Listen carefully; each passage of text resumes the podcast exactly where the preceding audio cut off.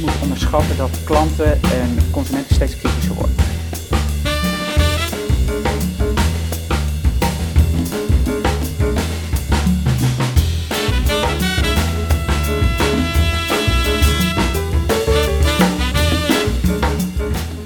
Hallo en van harte welkom bij CMO Studio, de video- en podcastrubriek van uh, Adformatie.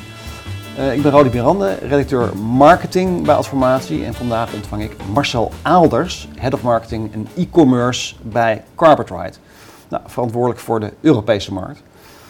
Nou, naamsbekendheid van Carpetride is, uh, is vrij hoog, maar is het bedrijf wat merklading betreft wel waar het, mee, waar het wezen moet op dit ogenblik.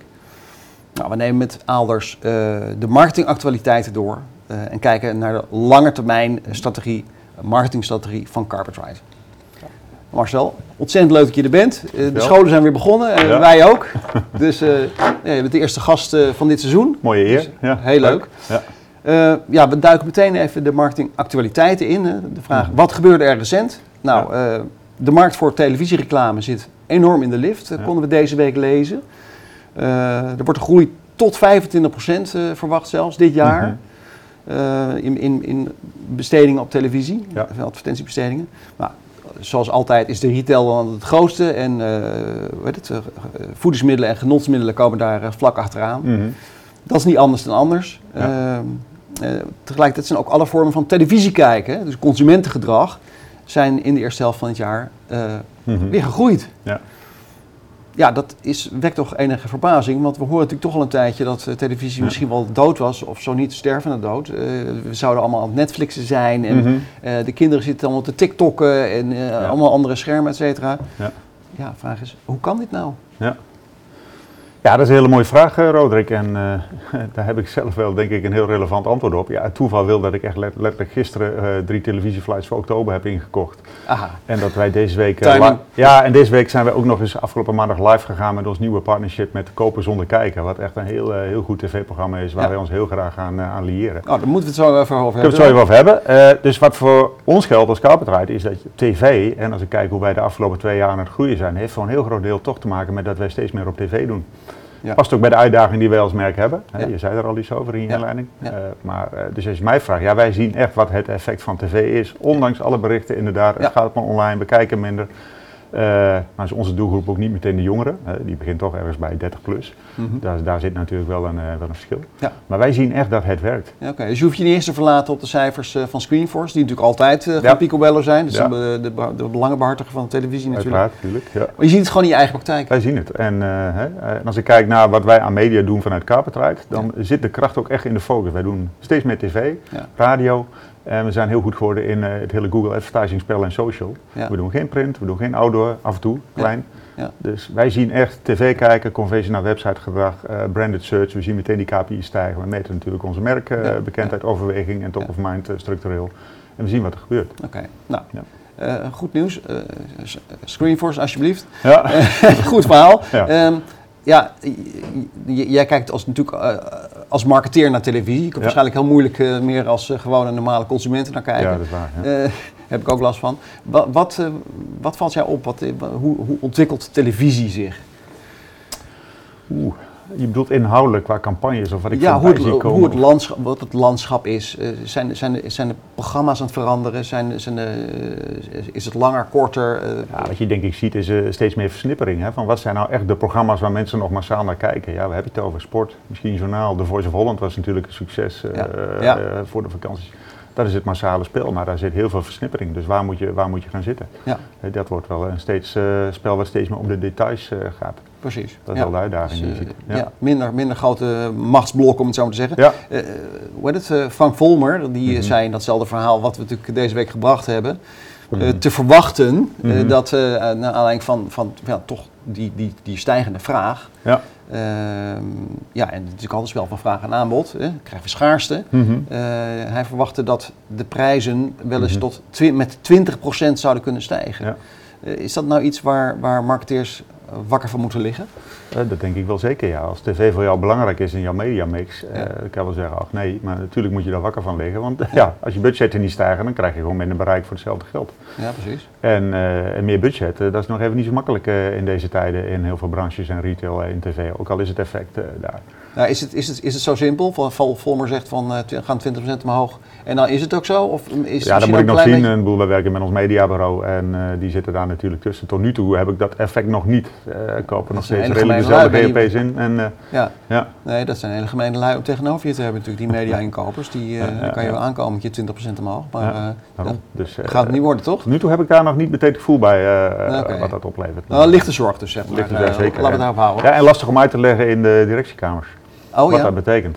Want wat is de reactie die je dan krijgt daar? Nou, wat eigenlijk wel interessant is, misschien even een klein kijk, kijkje in de keuken. De grondstofprijzen in onze branche, hè, in vloeren, de prijzen van hout, van grondstoffen, die zijn de afgelopen maanden met 20, 30 procent gestegen. De prijzen van containers uit China, om de boel te verschepen en te importeren, die gaan kijken. Grondstoffen, transport. Dus op het moment dat die prijzen stijgen, dan nemen we als uh, MT wel een besluit. Dan moeten onze verkoopprijzen moeten ook omhoog, maar we willen de marge absoluut in stand houden. Ja. Maar als ik in het MT uitleg dat dit soort prijzen gaan stijgen, gaan we niet automatisch de verkoopprijzen aanpassen en een budget uh, verhogen. Dat is, dat is toch lastiger op een of andere manier uit te leggen. En dat is je uitdaging die je dan hebt. Want, want zien zij, uh, laten we zeggen, deze, deze investeringen toch meer als kosten? Is dat het verhaal dan?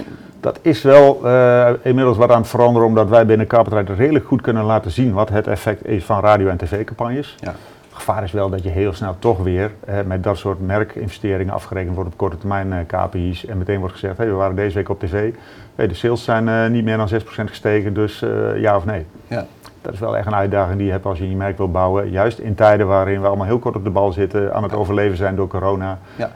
elke week wel resultaten moeten laten zien, zeker in de retail natuurlijk. Goede nieuws is wel, de CMO, zit in de boardroom. Dat is zeker waar bij ons. En die heeft inmiddels ook wel redelijk, uh, ja, denk ik, een dus positie je, hebt. Echt een je hebt echt een stem daar. Ja, dat denk ik wel. Ja. Mooi. Ja, ja uh, andere actualiteit. Grand Prix van Zandvoort uh, wordt dit weekend verreden. Ik weet niet of jij een, een, een grote fan bent. Beetje, beetje. Beetje, ja, precies. Nou ja, iedereen is denk ik iets meer fan dan anders, omdat we natuurlijk nu eindelijk onze, onze echte eigen held hebben. En met een goede auto nu ook. Ja, precies.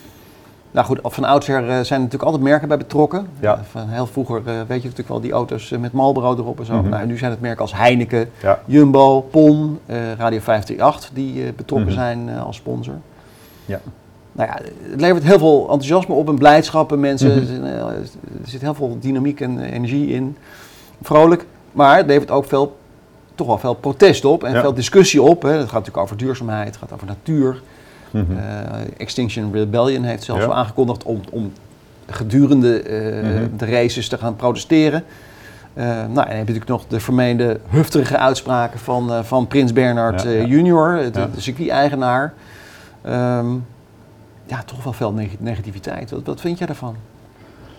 Ja, wat ik daarvan vind, kijk, hoge bomen vangen veel wind, hè, juist in dit soort tijden. Hè. Het feit dat je nu zo'n evenement neerzet, waar we aan de ene kant ergens ook wel heel trots op kunnen zijn, eh, met een sentiment van allerlei festivals en alles wat niet meer door kan gaan, dat is eigenlijk ook niet uit te leggen. Nee. er zit al heel snel een soort van sfeertje omheen van, ja, er zitten de lobbyisten, uh, de prins die daar een rol in speelt. Ja. Wat gebeurt achterkamertje politiek? En daar zijn we natuurlijk heel gevoelig voor, zeker in Nederland, uh, waarin we zeker de overheid steeds minder vertrouwen vandaag de dag. Dus ik snap heel goed wat dat betekent. Alleen aan de andere kant denk ik, je moet dat sentiment wel snappen. Dus dat betekent dat je, eh, ook als je een van die merken bent, eh, denk ik niet te hoog van de toren blazen. Gewoon rustig blijven, op gepaste afstand en slim communiceren. En niet doen wat Prins Bernhard junior doet hè, met dit soort stomme acties. Wat hij denk ik gigantisch onderschat heeft. Dus dat, dat vraagt om voorzichtigheid. Aan de andere kant, als dat evenement eenmaal daar is en we vinden het allemaal gaaf en we zijn allemaal heel trots, eh, dan denk ik dat we dat zuur en die bitterheid ook heel snel weer vergeten zijn. Mm. Ja, dus, dus eh, eh, eigenlijk de vraag van, eh, denk je dat dit de sponsoreffecten van de merken negatief beïnvloedt? Ik denk dat dat eigenlijk niet helemaal zo is. Als je als merk maar wel enigszins voorzichtig communiceert en niet in de Prins Bernard junior fouten vervalt. Ja, dus, dus misschien wel niks zeggen of, of niks voorzichtig er iets over zeggen. niet te hard van de toren blazen en na afloop vooral heel erg profiteren van dat we het allemaal toch wel weer heel geweldig ja, hebben gevonden. En, nadruk blijven leggen op ja, de, positieve kant, over hoe geweldig het is dat we, dat we een held hebben en dat het ja. toch na 96 30 jaar eh, weer, ja, eh, dat denk ik zeker. weer bij ons is. Ja, zo is het dan toch. Ja. We gaan even kijken naar jouw eh, eigen mhm. marketingpraktijk bij, mhm. bij Carpet Ride. Ehm, ja, jullie willen een beetje van het vroegere imago van, van prijsstunter afkomen. Zeker, ja. En jullie bouwen ook echt aan, een, een, nieuwe merkbeleving. Ja. Ehm, ja, kan je zo even kort uitleggen wat jullie nou precies hebben gedaan om dat te bereiken? Ja, wat wij aan het doen zijn, en we zijn eigenlijk pas twee jaar onderweg, hè, we zijn net begonnen, is dat Ja. merk Carpet Ride wat echt staat voor grijs, grauw, grote rollen tapijt, vloerbedekking, associatie Ja. met Die vloerbedekking. rollen het met dat plastic eromheen. Ja, dat zit zo tussen de oren van mensen en dat hebben we ook jarenlang eh, voor mijn tijd erin geramd en ook nog eens hoge kortingen. Ja. Dus eh, heel eerlijk, in de, de marketing, ik doe veel masterclasses, lezingen, workshops als Ja. Een van mijn voorbeelden altijd van hoe het niet moet. Ja. Dus dat was ook mijn eerste opmerking daar. dus toen ik me voor het eerst met de directeur sprak, een Toen je- Engelsman, toen je ging solliciteren, ja, toen even eh, ging ik met enige frisse tegenzin ging ik toch maar op gesprek. Ik Ja. heel eerlijk daarin. En Super heb ik, binnenkomer. heb ik dat ook meteen tegen die directeur verteld. Ja. Maar dat triggerde blijkbaar hem wel. En eh, drie gesprekken later eh, had ik toch het gevoel van, ja wacht even, dit is wel iets, hier kan je wel wat bereiken. Want dit bedrijf staat ergens wel heel goed voorgesorteerd in een hele kansrijke markt. Ja. Eh, ik heb een plan gepresenteerd in sollicitatiegesprek 3 van dus dit zou ik doen. En daar was hij het van harte mee eens. Ja. Dus ik had ook wel het gevoel van we, we denken hetzelfde. En Ja. hier is wel heel veel nog te doen en te bereiken. En, Ja. eh, en dan kan je heel mooie dingen gaan bouwen. Ja, precies. En daar zijn Hey, eh, wat zijn de vernieuwingen die je nou in de winkels hebt doorgevoerd? Ja, de beweging die wij moeten maken als Carpet Ride is, eh, dat is wel een klassiek voorbeeld wat je veel ziet, echt product push, productgericht, heel erg van binnen naar buiten denkend vanuit product, Ja. naar volledig vanuit de klant denken, vanuit het merk en echt het bedrijf omvormen tot een service retailer met een hele dikke grote streep onder service. Mhm.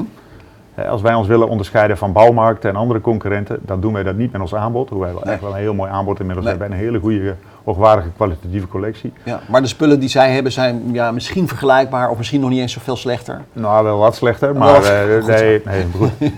maar goed, hè, het, het zit hem echt in convenience, die klant ontzorgen en Ja. alle zorgen van die klant uit handen nemen en het perfect regelen, zodat hij nergens naar om hoeft te kijken. Ja. En dat in deze tijd, hè, denk ik, van waarin convenience en gemak eh, belangrijk zijn en mensen daar echt wel geld voor over hebben. Ja, ja. Ja, dat is heel kansrijk. Betekent dat dan ook dat de belangrijkste slag die je moet maken is in de winkel met, met de mensen die daar, die daar zijn? Zeker waar, ja. Moet je die gaan, eh, gaan, gaan opleiden of moet Ja. je andere mensen gaan aantrekken? Hoe werkt dat? Allebei, ja. Dus Ja? dit vraagt echt om een ander type mensen in onze winkels, een ander type verkopers. Vraagt om een hele andere mindset ook van die verkoop. Hè. Dus niet, ik heb die vloer verkocht, ik huur een stoffeerder in die die vloer gaat plaatsen en eh, nou, ik heb mijn werk gedaan. En, eh, en even inmeten en, en, de eh, ik zie- en ik heb de bonus weer, weer behaald. Nee, je blijft verantwoordelijk voor dat hele traject tot en met die vloer is neergelegd en die klant nog eens een keer bellen een week van, goh, wat vond u ervan? Ja, Ja, dat is een hele andere manier van denken en van werken Ja. en dat kost echt tijd. ja precies. Ja. Ehm, ja, echt een, echt een. Je, je beschrijft bijna al een customer journey. Daar wil ik het later ook nog even over hebben, natuurlijk. Maar ehm, dit, dit gevoel, dat kennen de meeste mensen denk ik niet. Dus, dus als, als, als mensen Ja. zeggen, wat, wat denk je bij Carpet Ride? Dan komt er niet Mhm. zo'n verhaal naar voren, vermoed ik hoor. Ja. Ehm, dus wat, wat, wat, wat moet je eraan doen om dat mensen wel tussen de oren te krijgen? Nou ja, dat dit Carpet Ride is. Het belangrijkste zit natuurlijk intern, daar hebben we het over gehad. Hè, naar buiten toe, richting dat merk. eh, dat is misschien denk ik wel een leuke, vond ik een heel wezenlijke keuze in het proces van de afgelopen jaren. Toen ik binnenkwam bij Carpetrijk dacht ik, het moet echt een woonwinkel worden. Veel meer op inspiratie. Hè. De vrouw is de belangrijkste beslisser, het moet een vrouwelijke merk worden. Ja. In de gesprekken die we hadden met de bureaus ook, eh, kwam op een gegeven moment een hele mooie uitspraak naar voren. Die zei van ja, om, een, om meer die vrouw te, aan, aan die vrouw te appelleren die Ja. over het algemeen toch eh, redelijk bepalend is in het interieur van de woning, hoef jij niet een vrouwelijk merk te worden. Dat vond ik een hele interessante gedachte. Mhm. En toen dacht ik ook, ja, als wij dat willen, moet je bij wijze van spreken 90% van je personeel ontslaan, moet je eigenlijk helemaal opnieuw beginnen. Dat is geen realistisch scenario. Omdat je veel mannen hebt lopen. Ja, wat wij hebben in onze winkel, dat zijn vakmannen. Sommigen werken al 30 jaar bij ons, die weten echt alles van het product. Ja, dus die wil je echt niet kwijt. Alleen heel eerlijk, als ik met drie foto's van een, mijn woonkamer een gemiddelde winkel binnen zou lopen van, goh, vertel mij eens wat ik moet doen. Dat bedoel ik niet lullig, maar dan kijken ze denk ik wel een beetje vreemd aan. Van, ja, dan, moet- Precies. dat, dat moet jij beslissen. Ja, precies. Eh, ik zou- Dus, dus toen dachten wij, wij gaan van onze zwakte onze kracht maken. Of zwakte, is helemaal geen zwakte, maar eh, wij gaan dat vakmanschap, dat serviceniveau, gaan wij helemaal groot maken. En dat hele die, die inspiratielagen kan je natuurlijk online ook heel veel in doen. Dus wij kunnen die klant prima faciliteren in dat zoekproces, online, Ja. inspiratie, visual, visualizer tools. We hebben inmiddels thuisadviseurs die bij de klant thuiskomen om te adviseren. Ja, oké. Dus niet alleen online, ook fysiek komen Ja, mensen en toe. als jij dan naar de winkel gaat, uiteindelijk in die klantreis, en je weet redelijk wat jij wil en mooi vindt, Ja. dan zijn wij er om je die vloer nog eens een keer te laten zien. Alles van dat product zelf te vertellen. Mhm. Kan het goed met vloerverwarming? Wat zijn de effecten? Schoonhouden, onderhoud. En wij regelen vervolgens alles voor je. Wij zorgen dat die perfect gelegd wordt, uh, dat alles voor je geregeld wordt en je volledig wordt ontzorgd. Ja, super mooi verhaal. Maar nu moet het nog naar de mensen komen die, die nog niet bij Carpetride zijn geweest. Ja. Weet je? Dus moet je dat met media gaan doen? dat, dat moet je zeker met media gaan doen. Dan moet Massamedia dus, heel belangrijk om dat tussen de oren te krijgen, zeg je al. Um, uh, ja, jullie, jullie zijn uh, toch een reguliere televisieadverteerder, zei je al. En je hebt me in het voorgesprek verteld, er komt heel snel een nieuwe commercial aan. Daar mogen we nu nog niks over zeggen, ja, maar dat moeten mensen zeker in de gaten houden, want dat is heel spannend. we kijken voor nu even naar de commercial die wat ietsje ouder is al, maar mhm. dat hebben mensen een beetje het idee van, van waar Carpetride, hoe Carpetride zich nu positioneert. Ik zou zeggen, start de band maar. Met Carpetride hou je specialisten in huis. Zoals Theo. Doei! Zo. Voor je vloer. Klaar. Gordijnen en jaloezieën. Trappenkleding. Ze zijn er vaak zo druk mee... Even douchen. ...dat ze amper toekomen aan hun eigen huis. En je vrouw blij? Ja hoor. Ja, ja, ja. ja. Hoogste tijd voor Carpet Ride. Ik ben heel benieuwd uh, wat die uh, commercial uh, zometeen over een paar weken gaat doen. Ja. Dus nou, even spannend. We hebben ook echt een visuele uitdaging. Als mensen denken dat wij nog steeds rollen tapijt verkopen, ja. ja. kan ik dat wel in radio of print heel erg roepen. Maar wij moeten gewoon laten zien. Het is eigenlijk soms, soms zijn dingen helemaal niet zo ingewikkeld. Nee, goed gewoon laten zien. Wij moeten gewoon laten zien wat we kunnen, wat we in huis hebben en wat voor prachtige interieurs wij, wij kunnen creëren voor die klant. Nou, een van de dingen die je dan doet, en mm. dat noemde je net al even kort, hè, dat is een samenwerking met het RTL-programma, Kopen zonder kijken. Ja. Uh, dat doe je natuurlijk in-program uh, dingetjes. Uh, daaromheen zitten zeer waarschijnlijk bumpers en dat soort dingen zijn. Alles, ja. Misschien nog wel een commercial in, de, in het reclameblok. Klopt allemaal. Waarom deze keuze? Waarom heb je dat gedaan? Nou, ik moet zeggen, ik ben al jaren bezig sinds ik daar zit om te kijken met welk woonprogramma kunnen wij samenwerken. Die ruimte is er niet altijd. Nee. En dit is, uh, heb je echt een tijdje zitten azen? Ja, wat, wat, wat, wat ja, zeker, met VT Woning in gesprek. Eigen Huis en Tuin bestaat nu niet meer gesprekken gevoerd. Maar toen werd het programma van de buis gehaald. En uh, Kopen zonder kijken is natuurlijk wel een hele succesvolle titel met, wat is het, 1,7 miljoen kijkers uh, vorig jaar per aflevering. Ja ja, die past zo goed bij ons. Ook qua sympathie, qua werken. Dus ik ben heel blij met dat partnership. En uh, een deel is een barter deal. Wij doen vijf van de negen woningen dit seizoen. Hebben wij volledig de vloeren gedaan, alle raamdecoratie tot aan elektrische... Dus daar zit zeg maar deels eh, de betaling in, om het zo maar te zeggen. Een deel is, dus en dat kost ook best wel op tijd om dat allemaal goed te regelen en, en samen te stellen. En een deel is echt media. Ja, ja precies. Ja. Hey, en hoe organiseer je nou zoiets? Want je zei net van ja, sommige dingen zijn heel simpel. Is dit ook heel simpel? Is het gewoon belletje en jongens regelen het? Of uh, moet je daar nog... Uh... Ja, ik wil niet te simpel denken, maar ik denk dat wij twee weken over hebben gedaan om een, uh, een contract op te stellen en die samenwerking vorm te gieten. Omdat je gewoon heel goed weet, wij, wij, wisten dat we dit wilden, we weten ook op welke manier. Ja. Dus we hebben dat vrij snel in een vat kunnen gieten. Er zat ook enige haast achter, want de eerste woningen moesten verbouwd worden. Ja, en afgelopen maandag voor het eerst op tv. En, en dat ook precies in de belangrijkste maanden van voor ons, september, oktober. Ja. Dus, nou, iedere marketeer die zichzelf serieus neemt, die gaat ook niet zomaar ergens aan beginnen. Die heeft een duidelijk beeld bij uh, wat het moet opleveren. Mm -hmm. uh, wat was je doel, of wat is eigenlijk je doelstelling met, met, met -hmm. deze samenwerking, met het programma? Wat, wanneer is het geslaagd? Nou, wat we, je zei het in je inleiding al, kijk, qua naambekendheid zitten wij uh, rond de 80% met Carpetride. Dat is niet eens het grootste probleem. Ja. Waar het echt misgaat bij Carpetride in ons merk is overweging de volgende fase dan zie je opeens die percentages in onze merkonderzoeken heel erg dalen. Dus voor heel veel Nederlandse consumenten zijn wij, die kennen ons wel, maar zijn wij geen optie, omdat zij toch nog denken, Kapertraai, dat is dat bedrijf van toen. Dus eh, met name die merkoverweging, dat percentage, dat gaan we ook meteen meten hierna. Ja, dat moet echt nu een flinke sprong krijgen. Precies. Met natuurlijk het effect op je merkfocuspositie. Juist, dus die ja. trackingcijfers die, uh, die, hou je, die hou je nauw, nauwgezet bij. Ja. Uh, en, en dan kijk je vooral dus naar overweging. Yes, dat is echt... Ja, uh, ja want die awareness-cijfers die geloof je al, dat is, dat is natuurlijk gewoon hoog. Ja, dat, dat, maar hier zit onze uitdaging. Ja, precies. Mooi. Mooi. Uh, we gaan naar de winnaar van de week, eh, Marcel. Ik heb je van tevoren hm, gevraagd van, ja. uh, goh, wat, uh, ja. wat, viel jij nou in het bijzonder op? Een merkuiting, een marketinguiting. Maar ja, je hebt iets, je hebt iets anders, hè? je hebt iets anders bedacht. Ja, ik vroeg, kan dat? Nee. Ja, wat me opviel afgelopen week is, ehm, je kan natuurlijk naar kijken, is de persconferentie die Louis van Gaal gaf twee dagen voor de eerste wedstrijd van de Nederlands zelf al onder zijn onder zijn leiding. Voordat je erover vertelt, laten we even een klein stukje eruit pikken. Ja, het is natuurlijk een heel lange persconferentie. Veel mensen hebben het denk ik ook wel gezien. Maar ja. een kleine snippet uit, dat, uh, uit die persconferentie met Louis van Gaal. Ja. Nog een tweede dingetje. U heeft het um, gehad over een veredeld stelletje sterren. Na het EK dat uh, niet zo lekker was gelopen. Hoe, u heeft al gezegd, ik heb maar anderhalve dag de tijd om de zaak op de rit te krijgen. Hoe krijgt u in die anderhalve dag die mensen mentaal zover dat ze echt met z'n allen de andere kant op gaan, of de goede kant op gaan. Dus het zit in jouw hoofd dat ik daarmee het Nederlands elftal heb bedoeld. Bedoelde u iemand anders op dat moment? Ja, maar ja, ja, dat is de media hè, tegenwoordig. Als ik eh, eh, het EK eh, benoem als het EK, dan wordt door mensen in hun hoofd, oh, hij bedoelt het Nederlands elftal. Nee, EK. Ik heb niet oranje ge- gezegd, ik heb niet het Nederlands elftal gezegd. Ik heb een voorbeeld genoemd, een, dat een verzameld stelletje individuele spelers niet kampioen worden. En toen had ik in mijn hoofd Frankrijk, Portugal. En wat hadden jullie in je hoofd? Natuurlijk het Nederlands elftal. Ja, maar dat had ik niet in mijn hoofd. En kijk het na. Ja, Marcel, weer een iconische optreden van Louis van Gaal zou ik Ja. zeggen. Eh, ja, wat, wat is wat jou betreft zo gaaf hieraan? Eh, en dan eh, zeg maar even Ja. vertaald in, eh, Ja. in- als, als mer- merkdenker. Ja, kijk, als je Louis van Gaal als merk ziet, dan natuurlijk schuurt dat. Hè. Er is heel veel ook negatief sentiment. Hij is arrogant, hij klemt al zijn successen. Eh, Dat is echt een beetje het nare kantje van die man. Van de andere kant, Ja.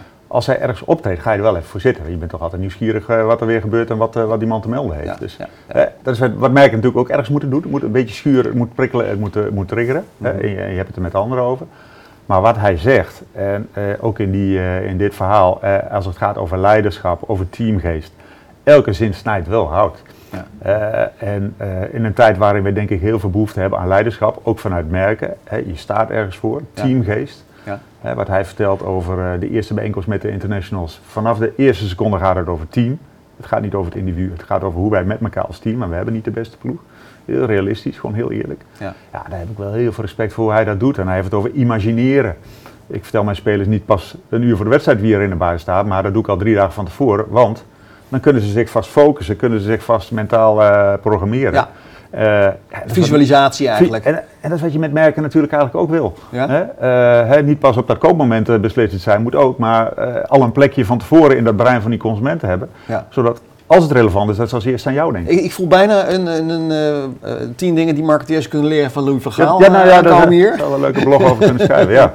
Ja, en, toch hè, eh, er zitten twee kanten aan. We, we lopen en met hem weg en tegelijkertijd ja, dat boze, dat hey, soms heel negatief, dat, dat, eh, ja, dat stoot er echt, echt wel af. Is dat, is dat dan geen bezwaar ja, eh, om in het merkdenken te Ja, blijven? volgens mij heeft Ogilvy heel vroeger ooit eens gezegd, je kan beter vijf vijanden en vijf hele goede vrienden hebben dan tien lauwe kennissen als merk. Ja. Hè, dus ook als merk, je moet, je moet ergens ook Ja, dat heeft polariseren. Louis van Gaal natuurlijk gelezen. Dat kan Ja, zeker, blijkbaar. Ja. Ja. Ja. Ja, Geweldig.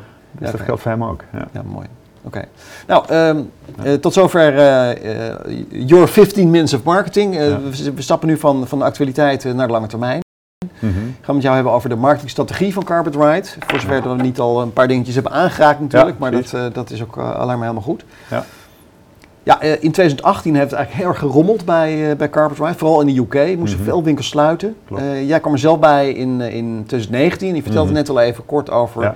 Eh, je, je, je, geniale, je, je geniale sollicitatiegesprek. Ja, geniaal. Eh, nou ja, het heeft wel, je bent wel aangenomen. Ja. Eh, kun je nog even kort vertellen over de opdracht die je nou meegekregen hebt vanaf dat moment in 2019? Ja. Dat, Ja, die opdracht was eigenlijk tweeledig en ook ergens dubbel. hè. De opdracht is echt, we moeten dat merk opnieuw gaan neerzetten en neem daarin de lead en neem daarin alle afdelingen heel goed mee. Eh, maar ik voelde bij die directeur ook wel een gevaar van, schiet daarin niet door, want we moeten echt de winkel verbouwen, maar de verkoop moet wel doorgaan. Want we moeten alle euro's wel verdienen. Dus En- en- zorg vooral ook dat je de reguliere salescampagnes, de promoties, dat die goed door blijven lopen. ja. En dat klinkt ook- bijna een beetje als eh, eh, vooruit, maar met een enorm blok eh, beton in je Ja. been. Ja, en, en je weet al dat juist die promotie, die actiecampagnes met die hele hoge kortingen, dat dat ook eigenlijk de bouw van een merk blokkeert. Dus Juist. het zoeken van die balans, hè, Mhm. het is een beetje een fade-in, fade-out strategie waar je heel voorzichtig doorheen moet gaan. Niet als een olifant door die porseleinkast, maar echt Precies. een evolutie en geen revolutie. Hoewel je eigenlijk voor je gevoel veel sneller zou willen. Ja. Maar dat kaarthuis mag niet in elkaar zakken gaandeweg, want dan, eh, dan kunnen we het niet meer betalen. Ja. Dus dat vraagt echt om ja, stuurmanskunst, balans, continu zoeken van eh, hoe ver kan je daarin gaan en wat niet. Ja, ja. Ja. Zou, je, zou je kunnen eh, even inschatten vertellen hoe, hoe ver je daar nu mee staat met die opdracht? Ben je op de helft? Of, eh, Nee, nog niet. Ik denk op 20, eh, 20 procent. Oké, je hebt nog wat te doen. we hebben nog heel veel te doen. En, Ja. Ja. Ja, ik zeg wel eens ook tegen vrienden als ze vragen hoe is het op je werk. Dan zeg ik altijd, het is niet de vraag wat we vandaag gaan doen, maar wat we eerst gaan doen. Er is A, heel veel laaghangend fruit, dat is heel fijn. Ja. Eh, en we hebben de wind in de rug. We zijn de afgelopen twee, drie jaar denk ik met zo'n 30% gegroeid eh, in omzet. Dat is, hè, dus wat we in gang aan het zetten zijn, lijkt ook te werken. Is dat volumegroei of is dat ook, eh, we zeggen, voor hogere prijzen verkocht? Dus marge oh, omhoog? en of en. allebei? En en volume, marge en uiteindelijk ook EBITDA-winst. Ja. Dus dat gaat eh, de goede kant op. We blijven heel voorzichtig. We kunnen niet opeens eh megabedragen investeren. Eh, daar zijn we wel over in gesprek met onze investeren. Dus er moet nog heel veel gebeuren. Ja. Maar laten we zeggen, we zijn goed op weg. En we hebben in ieder geval het gevoel dat de richting die we ingeslagen hebben, dat dat de goede is. Ja. En dat is natuurlijk wel prettig. Ja, dus in zekere zin ben je eigenlijk ook CPO, dus Chief Prioritizing Officer bij, uh, bij Corazar, zou je kunnen zeggen. kan wel zeggen, ja. Veel lachen aan het vooruit. Ja. Ja, de vraag van wanneer is het af, die is misschien moeilijker te beantwoorden eigenlijk. Ja, dat, weet- dat, kan nog jaren duren. Met de vraag nu, wij moeten nu echt investeren in winkelformule, in merk, in ERP-systemen. Achter Ja. de schermen hebben een aantal dingen heel lang stilgelegen. Heel begrijpelijk. Ja, ja, Maar we moeten nu doorpakken. Ongoing verhaal. Ja, Maar dat je, ja, Online is natuurlijk daar eh, eh, centra- centraal in, gigantisch belangrijk. Jullie zijn ook echt stappen aan het zetten van, van Mhm. offline naar online. mhm. En eh, ja, ze zijn op weg om, om, om een goede omnichannel eh Ja. retailspeler te worden. Ja, dit is, wordt natuurlijk voor alles belangrijk. Ook voor jullie, eh, schat ik zo in. Kan je vertellen wat je op dat vlak Mhm. eh, nou precies aan het, aan het doen bent? Ehm, Wat de prioriteiten daar de zijn? prioriteiten daar zijn. ja. Nee, dat wij omnichannel moeten worden, heeft geen discussie. Eh, even, hè, we hebben natuurlijk net corona gehad, Ja. er nog in. Ja. Daar hebben we heel veel van geleerd. Dus corona heeft gelukkig, eh, never waste a good De crisis, voordelen van corona. heeft ons heel veel ook geleerd. Ja. We hebben pas sinds november, eh, bizar, afgelopen jaar een webshop, hadden we nog niet eens. Eh, hè, we hebben een website die nog heel veel verbeteringen Jullie hadden überhaupt geen Wij- webshop? Wij deden nog niks online, verkopen in ieder geval tot, eh, tot augustus, tot eh, november 2020. Ja. Nee, ik begrijp nu wat je, Ja. beter wat je bedoelt met laaghangend fruit. Ja, Laaghangend fruit, die hebben we nu en die doet, het, eh, doet het best goed. De vraag is natuurlijk hoe groot kan de markt voor de verkoop van online vloeren eh, in het hogere segment eh, worden. Hè? Met, eh, we hebben 90 winkels in Nederland en 22 in België. Ja. Ja, binnen niet heel veel rijen kan elke consument in Nederland een van onze winkels. Maar gevoelsmatig zeg ik dat, dat een vloer, dat dat wel iets is waar je op enig moment voor naar de winkel gaat. Om, om te voelen, te kijken, ruiken, proeven. Dus wat, welke rol speelt online Ja. zeg maar, voor die consument Ja, eigenlijk? waar we nu aan werken is dat eh, het grootste deel van die klantreis eigenlijk online plaatsvindt. Ook in coronatijden kon het ook niet anders, daar hebben we heel Nee. veel van geleerd. Dat hele verhaal van... Je bent gewoon lang dicht geweest. Ja, dat hele verhaal van inspireren, oriënteren. eh, het is heel makkelijk met een aantal kliks kan je bij ons eh, een aantal vloerstalen bij jou thuis bezorgd krijgen. Dus je klikt Aha, op onze site de vloer aan die Ja. je mooi vindt. Echt binnen, binnen twee dagen heb je een heel mooi doosje thuis met een mooie brief erbij. Daar zitten die vloerstalen in. Kan je thuis in je eigen omgeving weer even kijken hoe die vloer is. Als je zegt ik wil nog steeds naar een winkel, ga je naar een winkel gaan, die vloer bekijken. Kan je soms ook van die grote borden mee naar huis krijgen. Eh, kan ook. Maar er zijn ook steeds meer klanten die zeggen, ja dit is de vloer die ik mooi vind. Waarom moet ik nog naar een winkel? Ik kan hem zo goed online kopen. Hij wordt voor 39 euro bij mij thuis bezorgd. Ja. En, eh, eh, en binnenkort... dus, dus, dus, misschien eh, komt het gros nog wel naar die winkel, maar er is ook wel een groep die zegt van Ja. nou hoor, ik, ik, ik geloof het wel. eh, kom Ja, en wat wij in ieder geval nu gaan doen, wij moeten nog heel veel winkels verbouwen. We weten donders goed dat heel veel van onze winkels echt zwaar verouderd zijn. We hebben nu zo'n, eh, een derde is ongeveer nieuw en mooi. Ja. Het nieuwe winkelconcept wordt een verlengstuk Een van de derde van hoeveel winkels? Voor 112 winkels hebben we er denk ik nu eh 30 ongeveer eh, vernieuwd. Precies. De nieuwe winkels die we nu gaan bouwen worden het verlengstuk van de online klantreis. Dus online wordt zo leidend dat we aan het kijken zijn. Wat is dan no- nog die rol van die winkel? En die consument komt met een hele andere mindset die winkel binnen, maar die heeft namelijk online al zoveel dingen uitgezocht. Ja. In het oude concept ja, eh, was eigenlijk gebouwd op een consument die nog van niks wist. Dus dat, dat betekent ook dat je heel anders naar jouw fysieke winkels moet gaan kijken en die een hele andere rol krijgen in die klantreis uiteindelijk. Precies. Ja. Eh, Oké, dus, dus eh, online is, is- zit, hem- zit vooral in de, voor, in de voorbereiding. eh, Mhm. Kijken, inspireren, stalen opsturen, Ja. misschien naar de winkel gaan, et cetera. Bij de klant-thuisadviseuren doen we steeds meer. Wat gebeurt er daarna nog? En dan vooral ook met online of, of digital. Wat, is, wat, zijn, de- wat zijn de contacten daarna met de klant? Na het winkelbezoek. De touchpoints. Na het winkelbezoek bedoel je? Ja, dan gaat het natuurlijk, hè, waar het over eh, service, dan gaat het hele spel van het plaatsen van die vloer, als die consument dat wil, hè, je kan het ook zelf doen, Ja. Ja. gaat dat hele, hele spel rijden. Dus dan komen moeten we een afspraak met die stoffeerders maken of monteurs voor raamdecoratie. Ja. Dat proces helemaal goed vormgeven, tot en met eh, de vloer is geplaatst en eh liefst een telefoontje ook vanuit die winkels. Dat heeft veel meer impact, maar ook vanuit online. Ja. Hè, de vraag, bent u tevreden? En uiteindelijk natuurlijk de vraag van, wilt u ons een waardering eh, geven en een review plaatsen over Ja. wat u daarvan vond? Ja, precies. Haal je wat dat betreft ook je inspiratie wel bij eh, de, de, de snelle online spelers, eh, de retailers die, die, die, die, die consumenten continu in de loop houden van Zeker, jongens, we zijn onderweg, we komen eraan, we gaan je blij maken, hoera, het is binnen, pak het uit, hoi ja, hoi. Ja, er zijn een paar hele goede voorbeelden. Ik noem even de namen niet, maar wij heel erg naar kijken en ook eh, van leren. Ja, zeker. Precies. En heb, kan je al iets vertellen wat je daar zeg maar, als inspiratie uit had, wat je misschien wil gaan doen? Nou, wat ze heel goed doen is die echte online pure players is die hele klantreis faciliteren en Ja. die hele marketing automatiseren. Ja. Wij, moeten, we hebben dat stap voor stap gedaan. Dat hele proces van stalen aanvragen hebben we nu helemaal eh, uitgewerkt tot Ja. een aantal reminder mails. En, eh, ja, precies. Dus da- daar, eh, daar, zit, daar zit het wel in verwerkt eigenlijk. Dat is nu een volledig geautomatiseerd proces, want dat zijn de, de mooiste leads die wij kunnen krijgen. Ja, Ja. En daar moet je heel zuinig op zijn. Mooi, mooi. Ehm, ja, Marcel, ik wil het ook even hebben met je eh, over de, de nevenactiviteit die je doet. Eh, Mhm. Want je bent, eh, ja, dit is dus ook niet zomaar een baan die je hebt bij Carpet Ride, maar je doet er toch wel heel veel dingen naast ook. Ja, ja. Ehm, ja, onder andere ben je kerndocent strategisch brandmanagement bij Bekenstein. Ja. Nou is nou, kritiek of een onderwerp van gesprek vaak dat, eh, dat, dat Mhm. marketeers heden ten dagen Ja. eh, wel heel erg eh navelstaardig kunnen zijn. hè, Dat Mhm. ze heel erg in hun specialisme duiken. Vaak Ja. is het ook een beetje digital, digital dan natuurlijk. Ja. In plaats van dat ze echt afstand nemen en de helikopterview hebben en nou ja, Mhm. strategisch bezig zijn. Ja. Wat is jouw ervaring eigenlijk met, met de mensen die jij nou, in, de, in de klas krijgt bij Bekenstein? Ehm, dat zijn eigenlijk twee dingen. Het klopt wat je zegt, eh, helikoptervisie. Wat ik heel veel zie, ook bij, bij studenten in die opleiding, is hè, stel je, je werkt bij een grote zorgverzekeraar, je doet dat al jaren.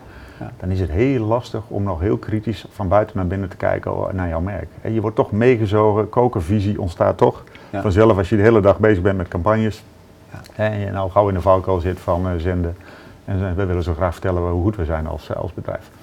Dus dat is heel lastig. Ja. Eh, er steekt wel veel energie in, aan een andere mindset, een andere manier van kijken naar je merk, met heel veel voorbeelden uit de praktijk. Ja. Dus dat is heel lastig. Ja. Tweede is dat ik merk in die brandmanagementopleiding dat het voor heel veel mensen lastig is om echt de waarde van het merk, hè, het wordt al snel als een kostenpost gezien wat je zei, Mhm. om dat in de boardroom heel goed duidelijk te maken van waarom doen we dit eigenlijk. Ja.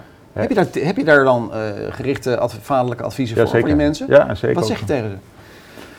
Eh, dat je wel heel erg de taal van, van sales en van de financieel directeur van de- moet, en van de eh, CFO, moet, moet gaan spreken. De Altijd weer die CFO? Absoluut. Want het is inderdaad al snel een investering en in moeilijke coronatijden gaan die er als eerste af. Ja. Dus, eh, hè, dus hoe doe je dat, die taal die je spreekt, hoe laat je de resultaten en effecten zien, hoe breng je dat in kaart, hoe meet je dat? Ja. Ja, is wel heel cruciaal. Hoe heb je dat geleerd? Hoe heb je dat zelf geleerd om, om dat, die manier van praten van die CFO te leren? En, eh, Ja, dan heb ik zelf wel een, eh, een bredere achtergrond dan branding. Dus echt Ja. een eh, meer organisatiekundige, bedrijfsadministratieve achtergrond. Dat Ja. helpt natuurlijk wel. er zit ook wel een beetje in jouw bloed Ja, eigenlijk. dus die- ik ben wel echt een cijferman. Ik kan Ja. ben heel goed in cijfers. Ik kan heel snel rekenen. Ik ben altijd voorbereid in elke managementvergadering. Heb ik van tevoren al mijn cijfers op Ja, orde. Oké, nou daar houden ze echt van. Dus, ja. dus die datagedrevenheid. Hè, en er zijn natuurlijk steeds meer tools om dat ook te kunnen in ons vak. Ja. Om effecten te meten en in kaart te brengen. Dus ik word nooit verrast als het om cijfers gaat. Ik ben altijd goed voorbereid in elke eh, meeting. Ja, dat helpt natuurlijk. Ja, dus, oké, dus dat is even de tweede, de Dus, tweede dus dan de- gaat een campagne niet meer over van we hebben iets leuks bedacht. Of we hebben weer een leuk nieuw script met ons reclamebureau eh, bedacht. Nee, Ja. dit doen we om die reden. Dit is het effect en dit is het doel en dit is wat we terug willen gaan Ja. zien. Zachte verhalen, helemaal top, helemaal leuk, maar wel, bam, Ja. die harde cijfers erbij, want anders eh, gaat het er niet worden. En dan nog is het soms lastig om hè, een merkcampagne niet op korte termijn resultaten afgerekend te zien worden. Want dat is toch heel snel de taal die weer gesproken wordt. We waren op tv en ik zie het effect niet in de sales. Hè. Retail is echt eh, kort op de bal zitten. Dat blijft. Ja. Precies. Ander ding, ehm, ja. dat laat ook gewoon zien dat je, dat je hart er echt heel erg in zit, vind ik. Eh, Mhm. Je bent actief bij het netwerk van marketingstrategen, Marketing Minds heet dat. Je hebt Ja. het zelfs eh, opgezet of mede Ja. opgezet en, en eh, Mhm. gewoon echt nog actief daar bij Ja. die club ook. Ehm, een club die volgens mij echt over de inhoud gaat. Zeker, zeker. Wat, wat kan je vertellen wat er onder die groep in het, in het bijzonder nou leeft? Dat houdt die mensen bezig op, op, beetje op dit ogenblik eigenlijk. Ja, Marketing Minds is een vereniging. We hebben zo'n 100 eh, leden. We organiseren bijeenkomsten. Hebben we meestal 40, 50 mensen bij elkaar. Dat is echt een persoonlijk netwerk. Ja. Dus mensen kennen elkaar ook. Ja.